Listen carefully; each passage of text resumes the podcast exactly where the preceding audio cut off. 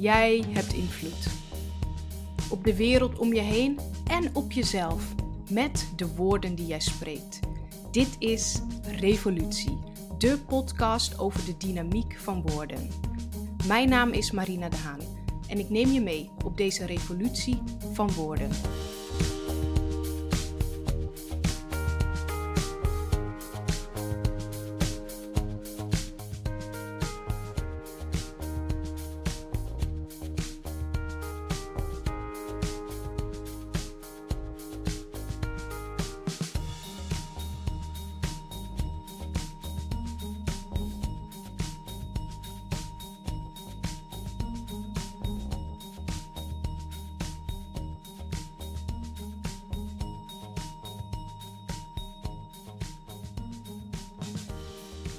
Omdat ik schrijver ben, vinden mensen het altijd geweldig om mij mooie notitieboekjes cadeau te geven. En eerlijk gezegd, ik hou ook van die notitieboekjes. Vooral om er naar te kijken. In een boekhandel raak ik ze ook altijd eventjes aan. Maar voor mezelf koop ik bijna nooit notitieboekjes omdat ik schrijver ben, gaan mensen ervan uit dat ik het heel leuk vind om een dagboek bij te houden. En er iedere dag met veel plezier in schrijf. Ik zal heel eerlijk zijn, ik heb het zo vaak geprobeerd. Soms hield ik het een paar weken vol, soms een paar dagen, maar ik heb echt nog nooit een jaar lang een dagboek bijgehouden. Ik weet niet precies wat het is, maar het ritme van iedere dag schrijven over mijn dag blijf ik lastig vinden. En dat terwijl ik wel geloof dat het toegevoegde waarde heeft. Dat als je bijvoorbeeld wel een heel jaar schrijft en je leest begin van het jaar terug, dan geeft het je zoveel meer inzicht in hoe het jaar was. En meer inzicht in jouzelf als persoon. Ook dit jaar begon ik vol goede moed in mijn notitieboekje. Eigenlijk is het meer een fancy schrift uit zo'n heel hip Zweeds papierwinkeltje in Stockholm. Vorig jaar was het trouwens een van mijn laatste reizen voordat de lockdown uh, inging. Maar ik blijf het dus lastig vinden om iedere avond of iedere ochtend iets in dat schriftje te schrijven. Maar wat ik wel heel graag doe, zijn mijn punten van dankbaarheid opschrijven. Jaren geleden vertelde Oprah dat ze een gratitude journal bijhield. Ik vond dat echt onwijs inspirerend en ik ben dat meteen zelf gaan doen. Een hele tijd heb ik trouw geschreven waar ik dankbaar voor ben. En weet je wat zo te gek is aan dat idee? Als je dankbaar bent, dan heeft dat op een positieve manier invloed op jou. Dagelijks zoek je naar dingen waar je dankbaar voor bent. En heel vaak zijn dat trouwens niet die grote dingen. Al is een nieuwe baan, een nieuw huis of een nieuw huisdier ook zeker iets om dankbaar voor te zijn. Maar vaak zijn het toch die kleine momenten. Het samen ontbijten, een goed gesprek voeren, de zon die op je gezicht valt, een fijne strandwandeling, facetimen met een vriendin, de geur van koffie of vers gemaaid gras of benzine. Die laatste is trouwens geen favoriet van mij hoor. Maar er zijn mensen die de geur van benzine blijkbaar heerlijk vinden ruiken. Ik ben er niet zo één. Geef mij maar liever de geur van broodjes uit de oven. We leven in een prestatiemaatschappij. Hoe meer wij ons focussen om constant onszelf en ons leven te verbeteren, hoe minder we focussen op het hier en nu. Op wat nu belangrijk is op waar we nu dankbaar voor kunnen zijn. We zijn vaak zo bezig om nog bekender te worden, nog meer invloed te hebben, meer impact, meer salaris. Maar is dat wat ons werkelijk gelukkig maakt? Uit onderzoek blijkt dat geluk juist sterk met dankbaarheid samenhangt, dus niet met meer en beter. Alles wat je aandacht geeft, groeit. Misschien heb je die uitspraak wel eens gehoord. Dat geldt voor alles in ons leven, zowel de positieve dingen als de negatieve dingen. Als ik bijvoorbeeld zeg dat je niet aan een roze olifant moet denken, dan denk je daar natuurlijk gelijk aan. Zo werkt ons brein. Op een kruispunt op Curaçao staat trouwens een uh, grote roze olifant, maar dat terzijde. Wat je aandacht geeft, groeit dus. Waar geef jij aandacht aan? Is dat vooral aan meer of beter? Of is dat aan dankbaarheid? Waar ligt jouw focus? In essentie gaat het hierom. Op welk gebied wil jij je tijd en energie steken om ze te laten groeien?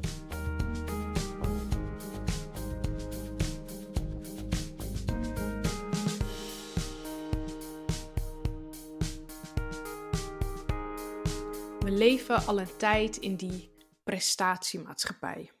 Ik heb er een haat-liefde relatie mee. Als ik iets doe, wil ik het zo goed mogelijk doen. Ik wil mijn beste prestatie leveren, of dat nu is met het schrijven van een verhaal voor in de krant, deze podcast of de gedichtenbundel waar ik nu aan werk, als de zon op je gezicht valt. Ik hou niet van halfbakken werk. Ik geef alles en ga altijd voor het optimale resultaat. Maar ik moet zeggen, ik word wel moe van dat altijd maar meer en meer en meer. De Koreaans-Duitse filosoof Bang Chal-han schreef een essay over de vermoeide samenleving.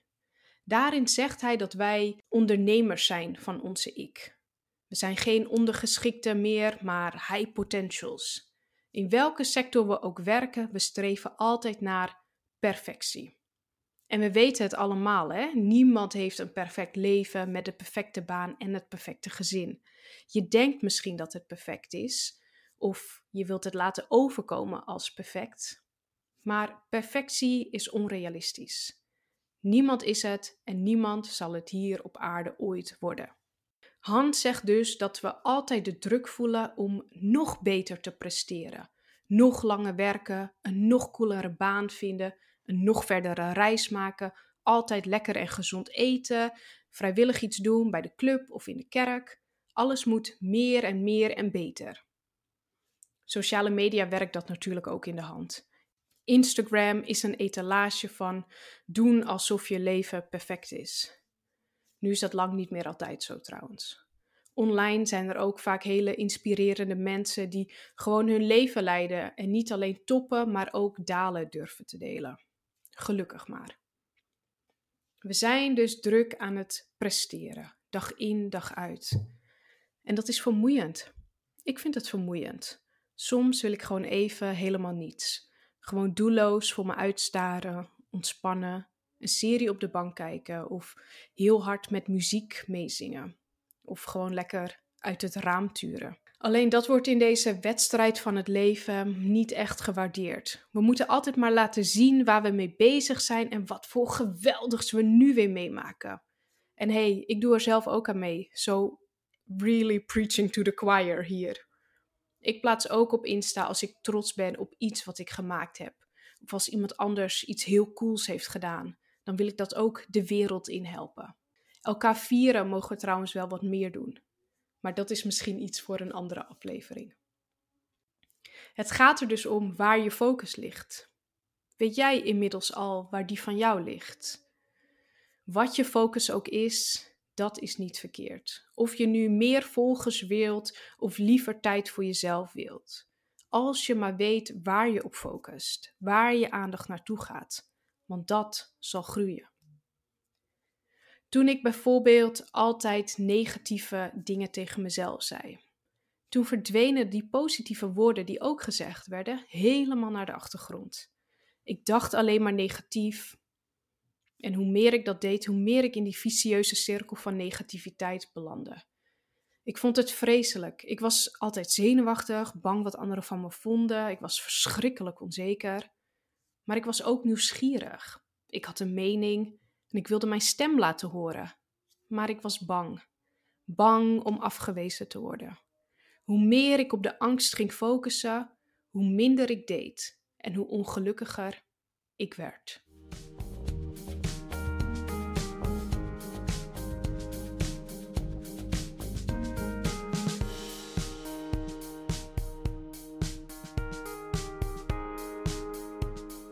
Misschien zit jij nu wel in zo'n vicieuze cirkel. Misschien denk jij wel negatief over jezelf en wil je dat veranderen. Of misschien wil je gewoon meer rust en balans in je leven. Meer tijd overhouden om leuke dingen met vrienden te doen. Of iets nieuws te leren.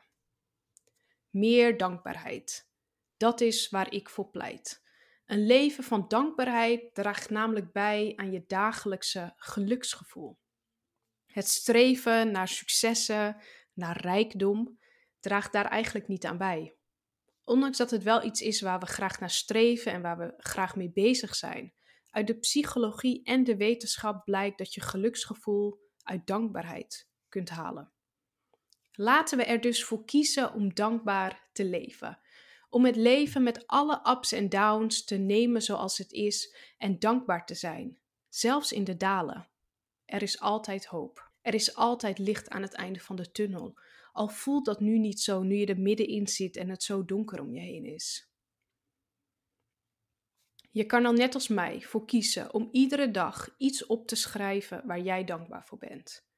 Uit onderzoek blijkt ook dat mensen die het rustiger aandoen en die reflecteren op de goede dingen in hun leven, tevreden mensen zijn. Ze zijn zelfs meer tevreden dan mensen die niet reflecteren. Bedenk eens waar jij dankbaar voor bent. Van een glimlach van een vreemde tot een koffietje, al kan dat nu niet in deze lockdown, maar een koffie to go met een vriend of vriendin. Vind je het lastiger om iets te bedenken? Stel je dan eens deze vragen. Wat heb ik vandaag meegemaakt waarom ik moest glimlachen of lachen? Wie heeft belangeloos iets voor mij gedaan? En wat was dat? Hoe voelde ik me toen iemand belangeloos iets voor mij deed? Wat deed ik voor een ander en deed het mij ook goed? Waar werd ik vandaag blij van? Wanneer voelde ik mij op mijn best? En met wie was ik? Als je het nog steeds lastig vindt, bedenk dan dat dit leven hier een groot cadeau is. Het feit dat je lichaam uit zichzelf werkt. Het feit dat je lucht in je longen hebt. Dat je kunt ademen. Hoogstwaarschijnlijk zonder moeite. Voor veel mensen die ziek zijn, is het leven zwaar. Ik kan bijvoorbeeld zelf niet altijd goed ademen door mijn astma.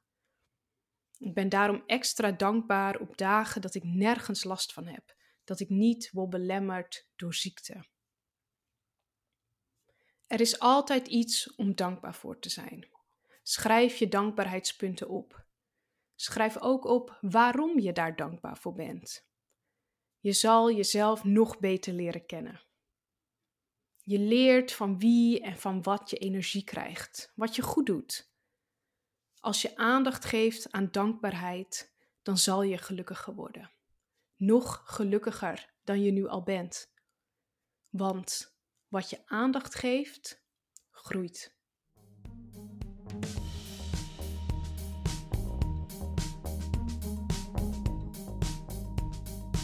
Dit was Revolutie, powered by Zoete Liefde. Leuk dat je luisterde. Blijf op de hoogte door Zoete Liefde te volgen op sociale media. En wil je meer weten over storytelling of workshops? Ga dan naar onze website zoeteliefde.com.